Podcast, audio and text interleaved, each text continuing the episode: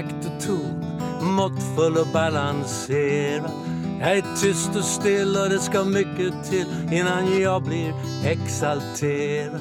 Men jag har en last som håller mig fast i ett järngrepp varje vinter. När året är slut, snön ligger djup och slädarna smedar slinter. Jag vill ha mer jul ge mig mer jul. Jag vill ha mer jul ge mig mer jul. Tusen stjärnor som tindrar glittrar så långt jag ser. Av juleljus som glimmar vill jag ha mer show glöms bort om den bara visar upp effekter som man knappast anar. Så ge mig 30 grader kallt, tomtar överallt och en skog av gröna granar. Jag vill ha snötyngda hus, tusentals ljus, kulörta kulor i driven.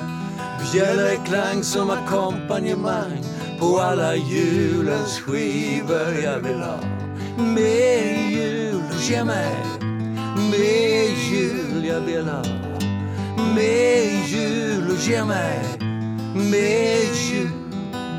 Tusen stjärnor som tindrar glitter så långt jag ser. Och juleljus som glimmar vill jag ha mer. Ge mig svårknäckt nöt, sötare gröt, djupare dopp i grytan. Glittrigare glim och grötigare rim och mer Arne Weise i rutan. Jag vill ha rymligare säck, segare knäck, fetare fläsk från grisen. Krymsigare krams, längre långdans och raskare räv på isen. Jag vill ha mer jul och ge mig mer jul. Jag vill ha mer jul och ge mig mer jul. Tusen stjärnor som tindrar glitter så långt jag ser. Och juleljus som glimmar vill jag ha mer. Jag vill ha mer, mer. Så ge mig mer, mer. Jag vill ha mer, mer. Så ge mig mer, mer. Jag vill ha mer, mer. Så ge mig. Jag vill ha mer, mer. Så ge mig mer, mer. Jag vill ha mer. Hej och välkomna till Stressforskningspodden. Vad härligt att börja med den här julmusiken. Eh, det här är ett avsnitt där vi kommer prata om den stressande oron för stress eh, med några av forskarna från Stressforskningsinstitutet. Men vi börjar i en annan ände. så att Vi eh, börjar med den här låten och vi som ska prata om den är då jag som heter Sandra Tam och är läkare och forskare. Och med mig har jag Mats. Mm, Mats Lekander, forskare och psykolog. Och vi ska då hälsa våra särskilt välkomna, skulle jag säga, gäster välkomna. Eh, Thomas Adolfsson och Anders Falk. Tack så mycket. Bra jobbat. Ja, eller hur? Man måste tänka till där lite grann hur det var med namnen. Himlans kul och vad fin den här låten är. Ja, den har levt, vi har levt med den länge. Den är skriven 1981. Wow, då var jag inte född. Ja, nej, men de flesta är inte födda då. hur, hur, hur, många, hur mycket är den spelad? Hiskeligt. Många miljoner faktiskt ligger på streaming på Spotify och eh, det är vi tacksamma för. Det är kul.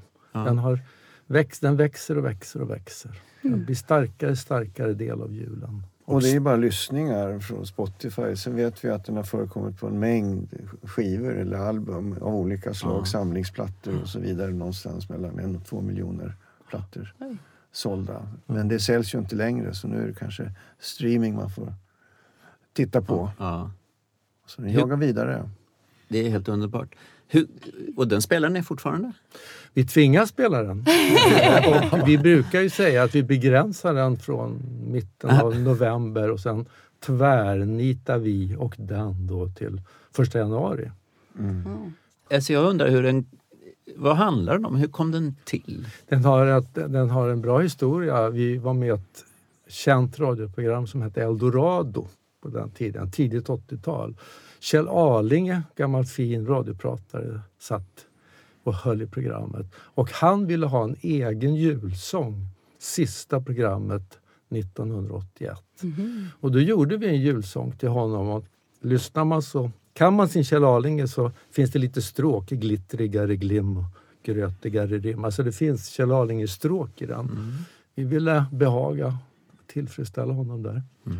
Och sen eh, hamnade den på ett band och sen plötsligt började den spelas. Och sen gav de ut en skiva och sen hamnade den där och då spelas den mer. Och sen, det har bara fortsatt så. Den bara ökar. Ihop med den här stressen som julen innebär. Det var ju Kjell Arlinges eh, kollegor där på Sveriges Radio som blev lite avundsjuka att han hade en egen julsång. Så de bad att få låna det där bandet och, och så började den höras då på flera ställen.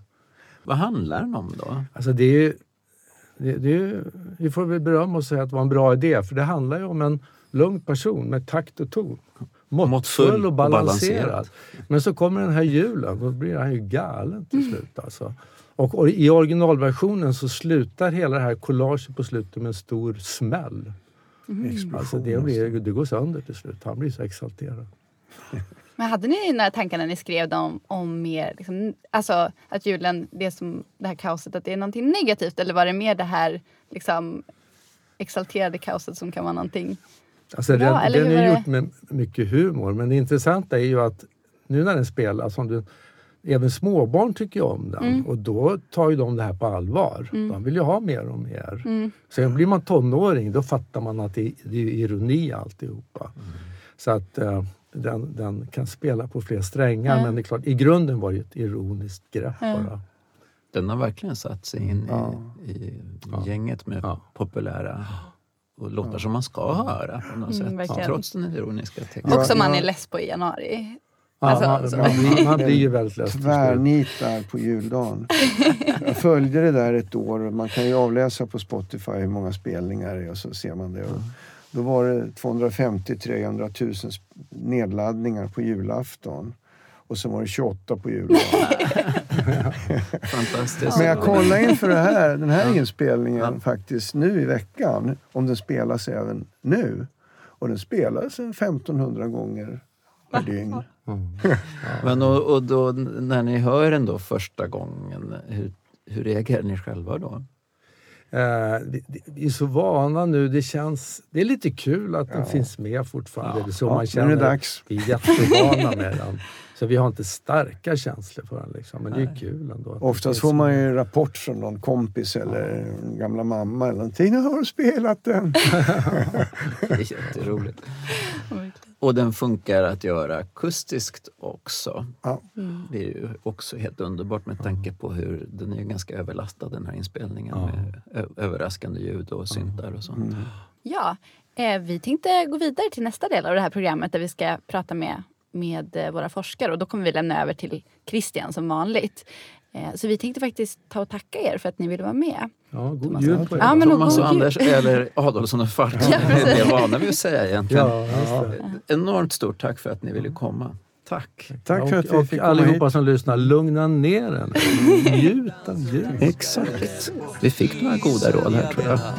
Mer jul, ge mig Mer jul jag vill ha Mer jul, ge mig Mer jul Tusen stjärnor som tindrar Glitter så långt jag ser.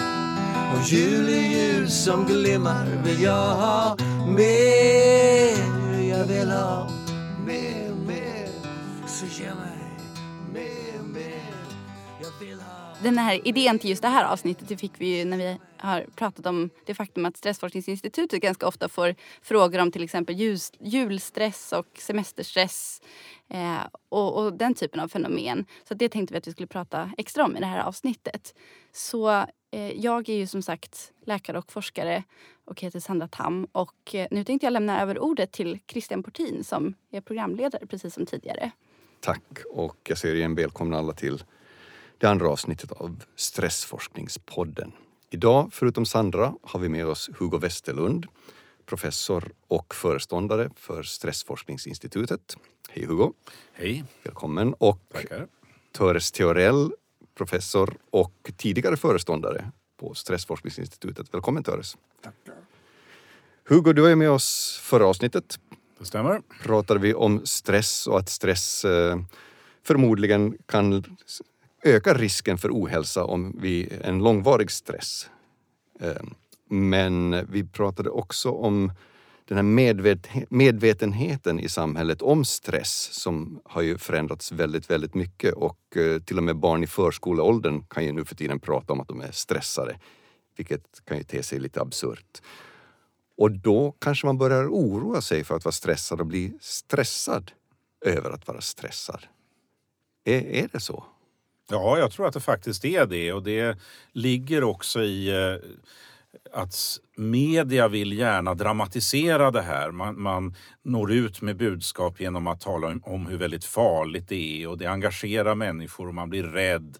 Man spelar alltså på de här rädslorna det gör ju att människor blir rädda för att eh, stressen är någonting farligt och då blir det ett orosmoment och det är ju en stress i sig. Att gå och oroa sig behöver kanske inte nödvändigtvis leda till sjukdom men det, det drar ju åtminstone ner eh, livskvaliteten. Mm. Tares? Ja, alltså det är ju så att vi är konstruerade för att klara av perioder av energimobilisering, alltså när vi ger järnet. Mm. Eh, och sen eh, ska vi då ha återhämtningsperioder mellan de här eh, perioderna. Och den typen av stress som då eh, handlar om energimobilisering, den är ju en helt naturlig del av livet. Mm. Eh, men sen är det ju så att folk menar väldigt olika saker med stress.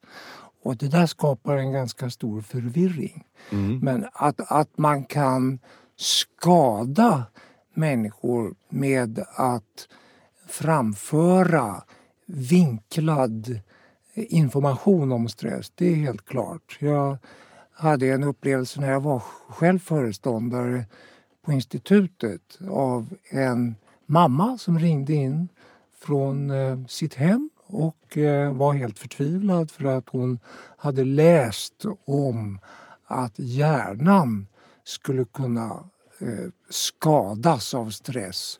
Och nu var hon övertygad om att hennes 13-åriga dotter som klagade över stress i skolan hade fått sin hjärna förstörd så att hon inte skulle kunna fungera i fortsättningen. Och det var ju fruktansvärt att, att höra att eh, stressbudskap kan tas emot på det sättet. Ja. Och det är säkert inte så ovanligt Nej. heller. Eh, Sandra, du har ju forskat på om hjärnan förändras vid stress. Stämmer det? Precis, jag har ju forskat på eh, olika stressorer, hur de påverkar hjärnan Mhm. kan man säga. Då är det i första Mm. hand sömnbrist som just jag har forskat kring. Men, men jag eh, eh, är ju intresserad av hur olika aspekter påverkar hjärnan. Det kan man säga. För att eh, ibland så förekommer det väl i media vissa vinklingar om att hjärnan skulle förändras eller krympa eller... Jag kan bara säga väldigt kort Ja. att, att ja, det som var helt fel med de budskap som då spreds ifrån läkare det var ju att man hade upptäckt att vissa celler i botten på hjärnan eh, som bland annat har med närminne och sådana saker att göra faktiskt kan skadas. Mm. Men det kan också återbilda strukturer i de delarna av hjärnan och det är ju också en väldigt viktig del av kun, kunskapen. Om man bara säger att det skadar, det är klart att då Mm. blir folk rädda. Mm. Så att allting måste ju nyanseras och sättas i sitt sammanhang. Och eh, det där blev ju helt fel tyckte jag. Mm. Och det är också väldigt många av de där studierna som är gjorda på, på möss och på råttor. Ja. Och det kanske är lite naivt att tro att mycket av det kan översättas direkt till, till hur människan Ja. fungerar. För den stressen som man utsätter ett försöksdjur för är också någonting helt annat än det som vi menar med stress i, i, i det, Det mänskliga sammanhanget. Så att säga. Verkligen sant. Vad är det du har studerat med hjärnan och dess förändringar? Och är det så att den förändras? Det är det som jag är lite nyfiken Ja, på. nej men som, som jag nämnde lite kort innan, det jag har studerat när det handlar om hjärnan är ju egentligen eh, hjärnan i relation till sömn. Och det ska Mm. vi också prata om i ett senare avsnitt. Men just i det här sammanhanget med hjärnan och, eh, och stress så kan man säga att det problemet som finns överhuvudtaget med hjärnforskning är att vi vet väldigt lite om hur struktur i hjärnan förhåller sig till funktion. Mm. Eh, för vissa saker så, så kan man säga ganska mycket. Men, men vi har ju gått från att tro att vissa strukturer i hjärnan direkt orsakar eller direkt involverade i en viss process till att tänka mer kring nätverksstrukturer. Och då blir det ännu mer problematiskt när man tänker det här kring att om en, en region skulle minska i storlek att det direkt skulle vara relaterat till ett, eh, en, en stress eller på det sättet. Så det finns ju den eh, problematiken också i sammanhanget. Men den här, som, så att, att se att stress orsakar, eller stressbelastning orsakar sjukdomar, eh, alltifrån cancer och eh, depression eller hjärtinfarkt, är det, är det befängt? Alltså cancer är ju ett specialfall och där Mm. tror jag man ska uttala sig försiktigt eller Ja. avstå från att yttra sig egentligen. Eh, däremot när det gäller eh, hjärtinfarkt och stroke och eh, eh, ja, ont i ryggen och ont i nacken och sådär. Där är det ju helt klart att, att eh, olika former av långvarig stress kan bidra. Mm. Men det ingår då i en eh, eh, väv av orsaker. Just det. Och eh, jag tycker det är lika fel att säga att individen själv orsakar all stress som att Mm. säga att omgivningen orsakar all stress. Utan det är alltid ett samspel. Mm. Dessutom så är stressen så förmodligen bara en av orsakerna till att man blir sjuk. Alltså, Ja. Vi talar om bidragande orsaker och, och en stark stress kan då vara kanske en starkt bidragande orsak. Och, men det är i regel en kombination av faktorer som gör det och då kan stressen öka risken, särskilt i kombination med andra typer av riskfaktorer. Mm. Men vi ska inte heller bagatellisera stressen så att säga. Man vet att eh, långvarig stress kan till exempel påskynda Mm. åderförkalkningsprocessen. Eh, att man kan, och det kan ju drabba då både eh, hjärtats kranskärl och halskärlen upp till hjärnan och så. Men det är fråga om eh, långsamma processer och det ingår precis som vi sa i en större väv av orsaker. Så man kan inte peka ut hos en enskild individ vad som har orsakat utan det finns mer. Men på samhällsnivå så kan man ändå prata om att det finns konstellationer av eh, saker som folk sysslar med i arbetet som kan bidra på gruppnivå Mm. till att folk blir sjuka. Det eh, ska vilja fråga mer om, men innan, kan man skydda sig eh, mot de här effekterna av stress på individnivå då, Eh, på något sätt? Ja, det kan man ju inte fullständigt men, men man kan ju göra ganska mycket för att minska det. Och en av de viktiga sakerna det är ju att man ser till att man får någon form av avkoppling så att man inte fortsätter att stressa och stressa under väldigt lång tid utan man måste se till att man kan få avkoppling emellan. Det är också viktigt att man tar hand om sig själv. Det är väldigt lätt när man har mycket att göra att man kanske prioriterar ner eh, att ta hand om sig själv. Man äter sämre, man motionerar inte och så vidare. Och det, eh, genom att sköta om sig själv så kan man göra mycket. Sen kanske det är så att man måste inse att vissa situationer är dåliga. Mm. Så att man måste ta sig ur det. Antingen ändra på situationen genom att säga ifrån, säga nej, säga till chefen att så här kan jag inte ha det. Eller i värsta fall alltså ta sig ur den här situationen. Byta jobb, eh, bryta en relation som är skadlig och så vidare. Så Mm. att det är klart man kan göra väldigt mycket men det, det är också lätt att säga att individen ska göra. Man, man är ju i, i olika sammanhang och det är inte alltid så lätt kanske att, eh, att göra det man borde. Nej. Nej, Vi har ju, eftersom jag har sysslat med stress så pass länge, sedan 60-talet, så kan jag ju se hur samhällsdebatten hela tiden svänger mellan extremer. Ibland så är allting omgivningens fel och ibland är allting individens fel. Och just nu är allting individens fel.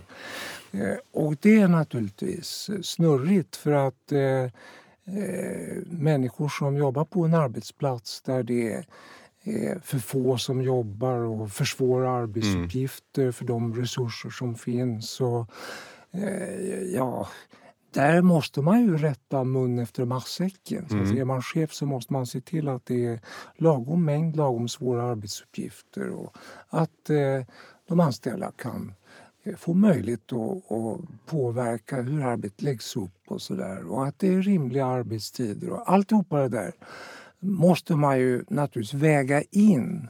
Människor måste bli medvetna om hur deras egen kropp fungerar. Så att eh, jag rör mig här mellan extremerna. Ja. Å ena sidan Absolut. så måste vi känna ansvar för att arbetsplatser fungerar. Mm. Och det är inte individernas fel. Individerna kan tillsammans mm. hjälpas åt att förbättra det. Och framförallt har ju cheferna förstås ansvar. Men det är också att man vet något om sig själv. Att, det har man också ansvar för. Absolut. Att inte eh, höra sin kropp som du säger. Kan det ha något med att vi är stressade nu? Att, att vi lever i ett högt tempo. Nu, nu likställer jag ett högt tempoliv med stress vilket är ju inte riktigt samma sak kanske. Men... Det är en jätteintressant eh, frågeställning. Jag tror att mycket av det vi sysslar med handlar om att eh, höja stimulansnivån. Mm. Och att eh, om man tittar på ungdomar och barn så lyssnar de eh, på musik eh, och spännande saker mm. sent på kvällen när de borde sova. Mm. Eh, det vill säga man höjer då medvetandenivån hela tiden istället för att tillåta sig att slappna av och gå ner i sömn. Ja. Och så. Och det är också intressant tycker jag att man i vårt samhälle eh, strukturerar allting. Det vill säga man strukturerar idag även avslappning. Just det. Så man får inte bara sitta och slappa och göra ingenting utan då ska man ha en avslappningskonsult eller en yogaexpert eller en eh, expert på autogen träning eller meditation som talar om för en exakt hur man ska göra. Ja. Det pratade vi om lite grann i förra programmet också, hur, hur att slappna av kan bli en stressfaktor. För ja. jag, jag, har inte hunnit koppla av, jag har inte hunnit med min meditation, mitt, min själv, vad heter det, medveten närvaro idag. Men det här har ju med, med att vi har väldigt höga förväntningar på livet och på ja. oss själva. Och det där är någonting som jag tror driver fram mycket stress. Och det är även då på att man ska ha kvalitetstid med familjen och kvalitetstid med barnen och man ska göra det och det och det. Det är väldigt mycket som man förväntar sig och då kan även avkoppling, eh, motion och så vidare som i grunden är positiva saker. Mm. Men förväntar man sig för mycket, ja då räcker ju inte tiden till och så känner man sig otillräcklig och så skapar det här en stress och faktiskt förstör den, den avkoppling som man skulle behöva. Och dessutom blir man missnöjd därför att man jämför sig med ja. någon perfektion som man eh, föreställer sig att all, andra människor lever när man ser dem på Facebook eller så.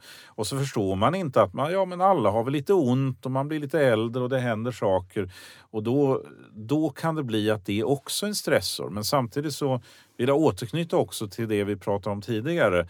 Ja, det är farligt om man blir för medveten om stress och tänker för mycket på mm. det. Men det kan ju faktiskt vara så att det är farligt att vara för omedveten om sin stress också. Mm. Det är väldigt individuellt. En del människor är lite för omedvetna om det. De, de tycker att det bara är naturligt och det är väl bara roligt. Och de kanske behöver lära sig att se vad blir jag stressad av nu? Kanske jag är lite för stressad, nu borde jag ta det lite lugnare. Så att det, det för en del människor är det bra att bli mer medveten om stress. Jag tror att det är det här, är ett, ett, det här som vi berör nu mm. tror jag är väldigt viktigt allmänt. För jag tror att eh, människor måste få hjälp att hitta det som de själva kan koppla av med. Så att säga. Vi är ju åtminstone tre här vid bordet som sysslar med musik till mm. exempel. Mm.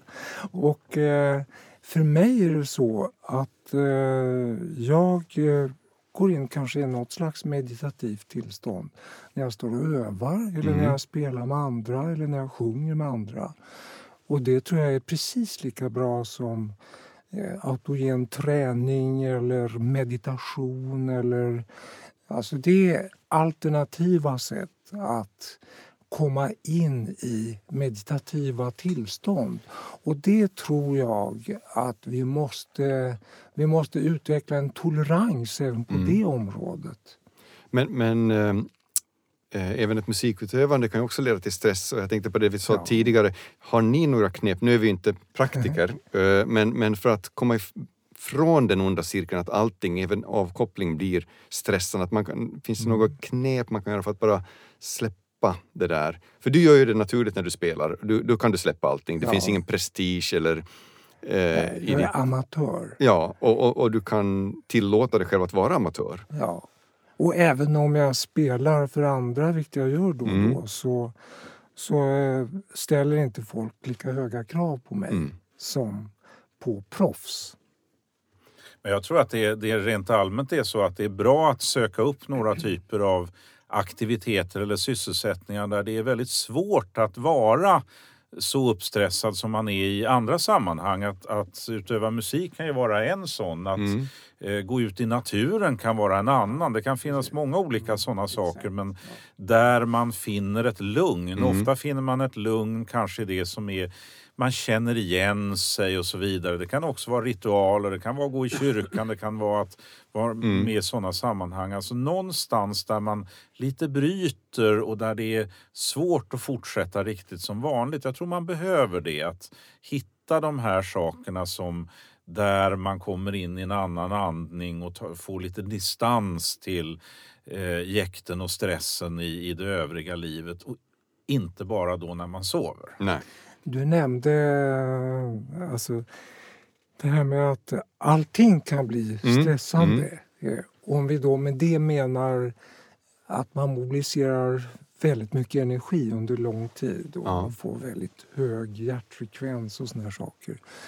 Det är ju, kan ju också vara ett problem med idrott. Annars tycker jag att eh, vi betonar betydelsen av fysisk aktivitet idag väldigt mycket och det är ju bra. Det är Mm. bra för att fysisk aktivitet kan också skydda mot skadliga effekter av stress. Mm. Men stress kan också uppstå och bli skadlig om man eh, övertränar. Jag Mm. menar, vi har samma typ av eh, utmattningssyndrom hos idrottare som vi har hos människor som lägger eh, hela orsaken på ett utmattningssyndrom på det psykiska Mm. och den psykosociala situationen runt omkring. Jag tror att eh, idrott kan också bli eh, en, en plåga för Mm. en del människor om man inte ser upp och hanterar det på ett bra sätt. Vi har haft många exempel på elitidrottsmän som plötsligt börjar prestera dåligt. Mm. Och då är det oftast sådana här saker som ligger bakom. Jag kan fundera lite grann över sådana här träningsappar och gadgets och så vidare man har som eh, säkerligen kan fungera så att det motiverar en. Det kan göra att man håller reda på att man tränar lagom och så vidare. Men det kan också bli att man fokuserar på siffror hela tiden och man ska bli bättre och Mm. bättre och man måste visa andra vad man gör och att det blir en sjuklig eh, fixering vid istället för att motionen blir en naturlig del i vardagen så blir det väldigt, väldigt prestationsinriktat, väldigt kvantifierat. Mm. Eh, Men jag vet inte. Men det är, det är en intressant fråga, alltså att vi kanske med de här nya sätten att träna förhåller oss på ett annat sätt än tidigare. Kan det vara en, en nyckel där att, eh, som vi pratar om, att man ska hitta någonting som inte är prestationsinriktat, att det är då man kan få avkopplingen och avstressningen? Oavsett om det är musik, idrott eller... Det där är ju komplicerat. Ja. Därför att som jag sa inledningsvis här så är vi konstruerade för att klara av Mm. eh, toppar av ansträngning. Ja. sådana perioder. Och de ska då omväxla med Ja. återhämtningsperioder. Och det faktiskt betyder ju också att alla behöver också utmaningar. ja, självklart. Vi mår inte bra om vi bara liksom lever i någon slags jämntjockt Mm. Läge. Så att säga. Och jag, det känner jag själv att jag behöver och jag söker till och med upp utmaningar. Mm. Men jag ser till att jag faktiskt slappar emellan de där utmaningarna. och när du slappar så väljer du saker där du inte behöver prestera då förstås. Ja, precis. Ja. Eh, Eller man presterar kanske på ett annat plan. Ja, fast jag tänker det också som Hugo sa med allting här att, att det, det är så lätt till oss när vi är, alla ska vara vinnare i dagens samhälle, att man kanske kan tillåta sig själv att inte man tar bort begreppet prestera. Vi bara, Precis vad man nu menar med begreppet prestera. Det kan ju också vara det här att ja, men, eh, jag, ska, jag ska lära mig det här musikstycket för att jag får sån mm, bra känsla Ja. av att, att kunna spela det. Och det kanske är en, en prestation som ändå är mest för en själv och inte Mm. så mycket utifrån. Så det kan ju också säkert... Mm. att ha flow är ju väldigt intressant. Det kanske vi ska ha ett helt eget program om. Ja, men vi har lite grann tänkt att ha ett avsnitt i alla fall som handlar om det här med hur stress kan vara en drivkraft i olika kreativa sammanhang. Så att där kommer ju det Mm. Får vi återkomma till det. Och sen har vi ju det här att vi bjuder in olika kulturutövare i, i de olika avsnitten. Ja. Så att de allra flesta avsnitten kanske berör det på ett litet hörn. Ja. Jag vill lite återknyta den till den här inledningen då Mm. med Mera jul. Ja, Eh, och man kan ju säga att den här, jag älskar den här låten Mm. för att den verkligen beskriver hur vi vill ha mer, mer, mer och de här ambitionerna som blir för mycket. Man ska ha mer, mer, mer jul och det är kanske osunt. mm, Men samtidigt så får det här ju in oss på just det här att vi får, som du sa i inledningen, mycket frågor om, eh, när, när det var Sandra som Mm. sa att vi får mycket frågor om, ja nu är det stress, är det skadligt? Ja nu kommer semestern, är det skadligt? Ja nu går vi tillbaks från semestern, är det skadligt? Och Nej men om man jäktar lite grann för att köpa julklappar och göra det fint hemma, det är väl bara trevligt. Men det är klart, sen kan det för i vissa fall då om man har äktenskapliga problem till exempel så kanske de kommer upp under semestern och blir en stor kris. Men då var det ju inte stressen att man har Nej. semester i sig. Så att man, man liksom modererar och ser vad är det här? Det är väl, jag tror det är jättebra att vi har helger, vi har semestrar. Det, det skapar ju en dynamik i livet. så när, Eh, när, Men visst blir man lite jä- jäktad ibland. ja, när kvällstidningarna vill skriva julstressen eh, så, så risken för sjukdomar och är kanske inte förhöjd. Alltså På jag, tycker, alltså jag tycker att ett grundläggande problem i hela den här diskussionen är ju att man menar så olika saker med ordet Mm. stress. Eh, och det har varit så hela tiden sedan 60-talet. Det Mm. blir aldrig något bättre.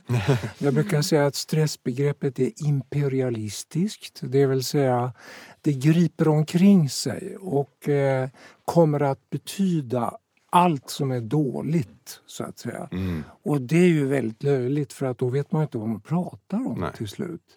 Eh, En del definierar ju stress som mobilisering som är hälsoskadlig. Och det är klart, om man definierar det så, då är det skadligt. Mm. Men vi menar ju att det handlar om energimobilisering på ett neutralt sätt. Om det sen är skadligt eller nyttigt, det beror på mycket av sammanhanget. Det kan man inte säga om just den enskilda stressande händelsen. Nej, alltså... Och det här med julstressen är ju också så... Du har ju nämnt eh, några aspekter på det, Hugo. Men det är också så att... Eh, eh, jag tror att ett mycket stort problem i samband med jul också är ensamhet. Mm. En del människor eh, eh, kanske har förlorat anhöriga och eh, det blir en väldigt plågsam påminnelse när man sitter där ensam med sina eh, grisfötter och eh, eh, det där eh, förskräckliga som smakar så illa som kallas för doppa.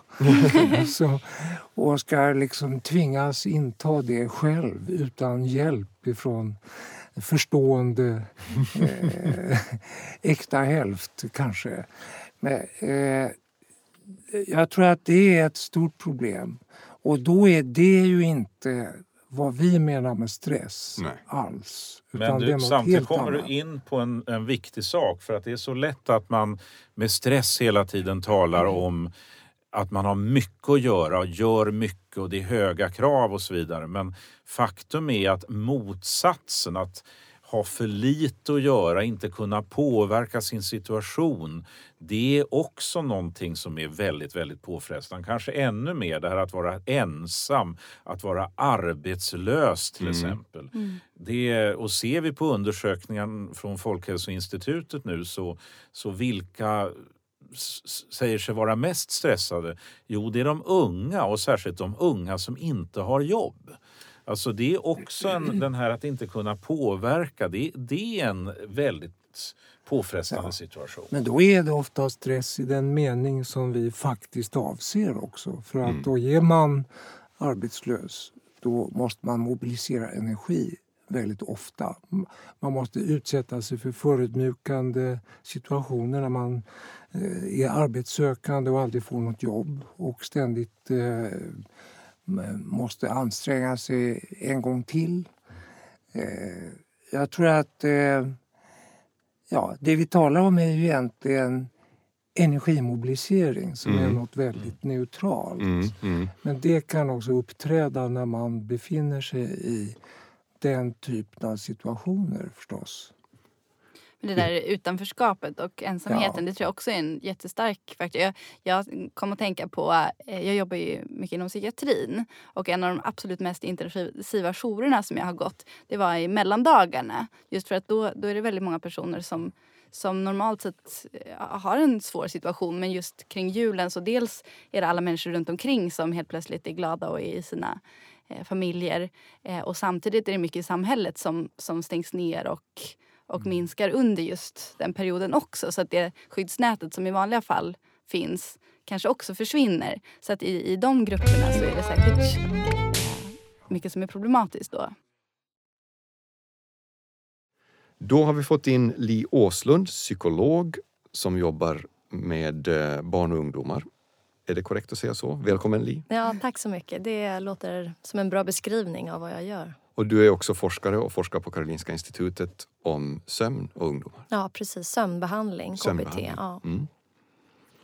Eh, tidigare eh, så sa någon i vårt sällskap här att eh, stressen ökar bland ungdomar. Eh, är det en speciellt stor ökning just där i det segmentet? Eller? Ja, alltså jag tycker just det här med valmöjligheterna, det är någonting som, som jag ofta reagerar på när jag träffar ungdomar som just beskriver allt ifrån val av vilken skola man ska gå i, vilken inriktning man ska välja, vilka fritidsaktiviteter man ska ta sig för. Alltså en mängd, tänker jag, olika val som bara blir allt fler för var år som går. Tänker jag. Och det bland annat kring det här med sociala medier och olika konton och vad man ska delta i eller inte är ju också en ständig... Om vi ska prata stressorer så, så skulle jag kunna säga att det är en stressor hos många ungdomar. Precis, för det var min fråga när de pratar om det här. Upplever de det som positivt eller, eller negativt?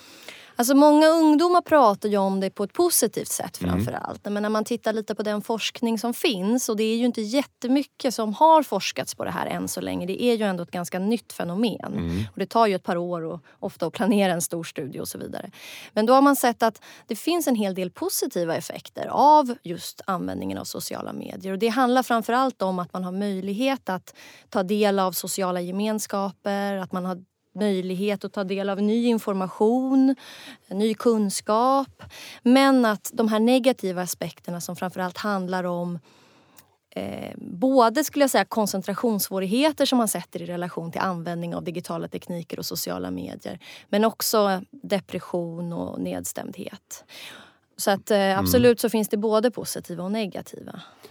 Eh, förmågan att begränsa sig är ju, apropå att Töre sa att vi inte lär oss hantera vissa saker eh, med val och så, lär oss välja, men lär oss att begränsa. Eh, för de här digitala kanalerna, sociala medier är ju oändliga Ja. i praktiken. Ja, och vi vuxna har ju ärligt talat också väldigt svårt att begränsa Oh ja. vår användning av sociala medier och digitala tekniker. Så att det här är ju verkligen inte bara ett ungdomsproblem. Men det man har sett när man har tittat på de, de studier som just har tittat på föräldrapåverkan så har man sett just att i de studier där man tittar på hur relationen ser ut mellan sociala medier och mående till exempel så har man sett att de ungdomar som har allra högst nivåer av både depression och ångest är de som har föräldrar som är mest aktiva på sociala medier. Åh, Så att eh, många antal, alltså antal konton på sociala medier hos föräldrar är alltså starkt relaterat till måendet hos barn och ungdomar. Så någon, nästa gång folk frågar varför jag inte har Facebook, vilket jag har, så är det för mina barns skull. Precis, det, det, det låter väldigt, väldigt godhjärtat. Men, men just föräldrar, jag tänker just föräldraaspekten är viktig här. Om vi tänker oss att vi har sociala medier och det är ingenting som kommer försvinna inom en, en nära framtid. Mm. Då behöver föräldrar framförallt, tänker jag, ta mer ansvar och anpassa sin familjesituation gällande regler efter de specifika barn och ungdomar som lever i familjen. Och det här tänker jag både gällande hur mycket tid man ska ha på sociala medier men också när det kommer till vilka typer av sidor man kan titta på eller, eller hur man pratar i familjen om det här. Att man, att man så att säga inte bara går efter generella rekommendationer utan man faktiskt tittar på de barn och ungdomar som man har i sin egen familj. Och så tar man beslut utifrån det. Du, eh, ger du ungdomarna och barnen också specifika råd eh, för att hur de ska hantera det här? Nej, alltså det där är svårt. Det brukar ju ofta komma upp som någonting Eh, som jag sa som en positiv del. Att man, ja, jag får de här Snapchat-bilderna eller ja, vi kommunicerar via, via Instagram. Men det jag lyfter fram framförallt och det är när jag jobbar med sömnbehandling. Det är ju att sociala medier och inte specifikt då just kanske de sociala medierna som sådan men digital teknik har en direkt negativ påverkan på vår sömn. Är det så enkelt så att man ska sätta klockan efter åtta på kvällen ska man inte röra sina digitala verktyg? Ja, alltså om du lyckas med det i din familj så säger jag grattis faktiskt. Men det är, det, är, det är svårt att säga något exakt tidpunkt. Det enda man har tittat på det är ju egentligen relationen mellan användningen av de här olika verktygen då som är digitala och som har det här blåljuset som är, som är starkt sömnstörande. Och då har man tittat ungefär, den största studien har tittat på två timmar före och efter. Så att säga. Att man två timmar innan sänggåendet eh, stänger av sina eh, devices. Då. Och det har visat eff- effekt. Men huruvida det är en, två timmar, 30 minuter, det är också tänker jag väldigt individuellt. Just det. Och det där är lite det som vi pratar om i hela det här avsnittet. Att vi kan ju inte heller säga att ett visst antal timmar på sociala medier Nej. kommer orsaka sjukdom längre fram. Eller, så man ska vara väldigt försiktig med att dra den typen av slutsatser eftersom de, som du säger, inte heller har funnits speciellt lång tid. Så Nej. vi vet faktiskt inte Nej. eh, hur de här effekterna ser ut på lång sikt. Och man kanske inte heller ska överdriva den oron med tanke på det som vi pratade om. Nej, jag tänker också. att eh, precis och en del studier visar kanske på förvånansvärt lite relation egentligen mellan användning av sociala medier och dåligt mående. Det finns ju en del studier som visar på att det finns en viss ökad depressivitet. Men vi har ju inte studerat de goda effekterna heller och det har vi ju pratat om med stress här som ni har diskuterat eh, kring hur stressen är faktiskt en mobilisering av kroppen som kan vara positiv. Och eh, när vi tittar på effekt av sociala medier så är det lätt att stirra sig blind tänker jag på de negativa effekterna. Att man tittar på depression och oro och kanske ökad eh, FOMO som man F- fear of missing out. Att, att de som håller på med sociala medier mycket har mycket FOMO. Och det gäller både vuxna och ungdomar. men, eh, men, eh, men just att det också finns väldigt många positiva effekter och att de har man inte studerat lika mycket. Utan det börjar nu när de här eh, studierna som, som talar om depression och ökad ångest kommer så kommer det också andra studier som visar på positiva effekter. Så jag tänker att det är inte så enkelt som att bara dra en, dra en slutsats att det är negativt. Jag, jag, eh, eh, när vi pratar om det här undrar jag lite grann om vi också inkluderar ungdomar som faktiskt har startat i arbetslivet. Eh, För att en del eh, gör ju det faktiskt vid ganska unga år. Och eh, det är ju dels då så har vi problemet att en del eh, inte kommer in på arbetslivet och blir arbetslösa och det är ju i sig någonting som kan vara något som sätter igång en massa obehagliga stressreaktioner. Men det är också så om vi ser arbetslivet i ett 30-årigt perspektiv att eh, det är i många branscher så att eh, de psykiska kraven har ökat. Alltså det kan vi ju säga absolut tvärsäkert och det gäller hela Nordeuropa så att säga. Och, och eh, speciellt i vissa branscher. Och eh, sen slut på 90-talet så sker det också, eller har det också skett en förskjutning i att människor upplever även mindre möjlighet att påverka arbetssituationen. Det, det förvånar många när man säger. Mm. Eh, men eh, då vill jag säga att de unga är ju lite utsatta i den här situationen när de börjar jobba. Det gäller speciellt vissa yrken, till exempel vårdyrken där man alltså slängs in som eh, undersköterska eller sjuksköterska eller läkare i situationer som är otroligt eh, eh, våldsamma och dramatiska. Alltså även ambulanspersonal till Mm. exempel och socialassistenter. Eh, och det ser vi också att i, i, bland de yngsta där så upplever man kraven som väldigt höga. Och det beror ju på att man vet inte hur man ska hantera situationen. Och då tycker jag att vi har uppmärksammat det för lite och att unga som slängs in i den typen av dramatiska eh, jobb eh, och inte är så väl förberedda. De måste verkligen eh, få ordentligt stöd, tycker Mm. jag. Och det undrar jag om man verkligen eh, gör tillräckligt. I varje fall vet jag att man inte gör det för sociala assistenter till exempel. Nej. Som är ett väldigt utsatt jobb. Mm. Och det är väl en av dina stora forskningsområden här med att man med, med stora krav måste kompenseras med Ja, att man kan påverka Ja. och eh, eh, själv eh, säga något om hur det ska läggas upp så att säga. och det kan, skulle kunna minska stressen i en sån arbetssituation. Absolut, Mm. visst. Ja. Mm. Och stöd också i, i sig Ja, är också viktigt. mycket bra. Tack Töres. Vi säger också tack till Li Åslund och tack Sandra och tack, Men tack själv. Hugo som har lämnat studion. Så vi säger tack Ja. till våra gäster och vill passa på att önska alla våra lyssnare en god jul.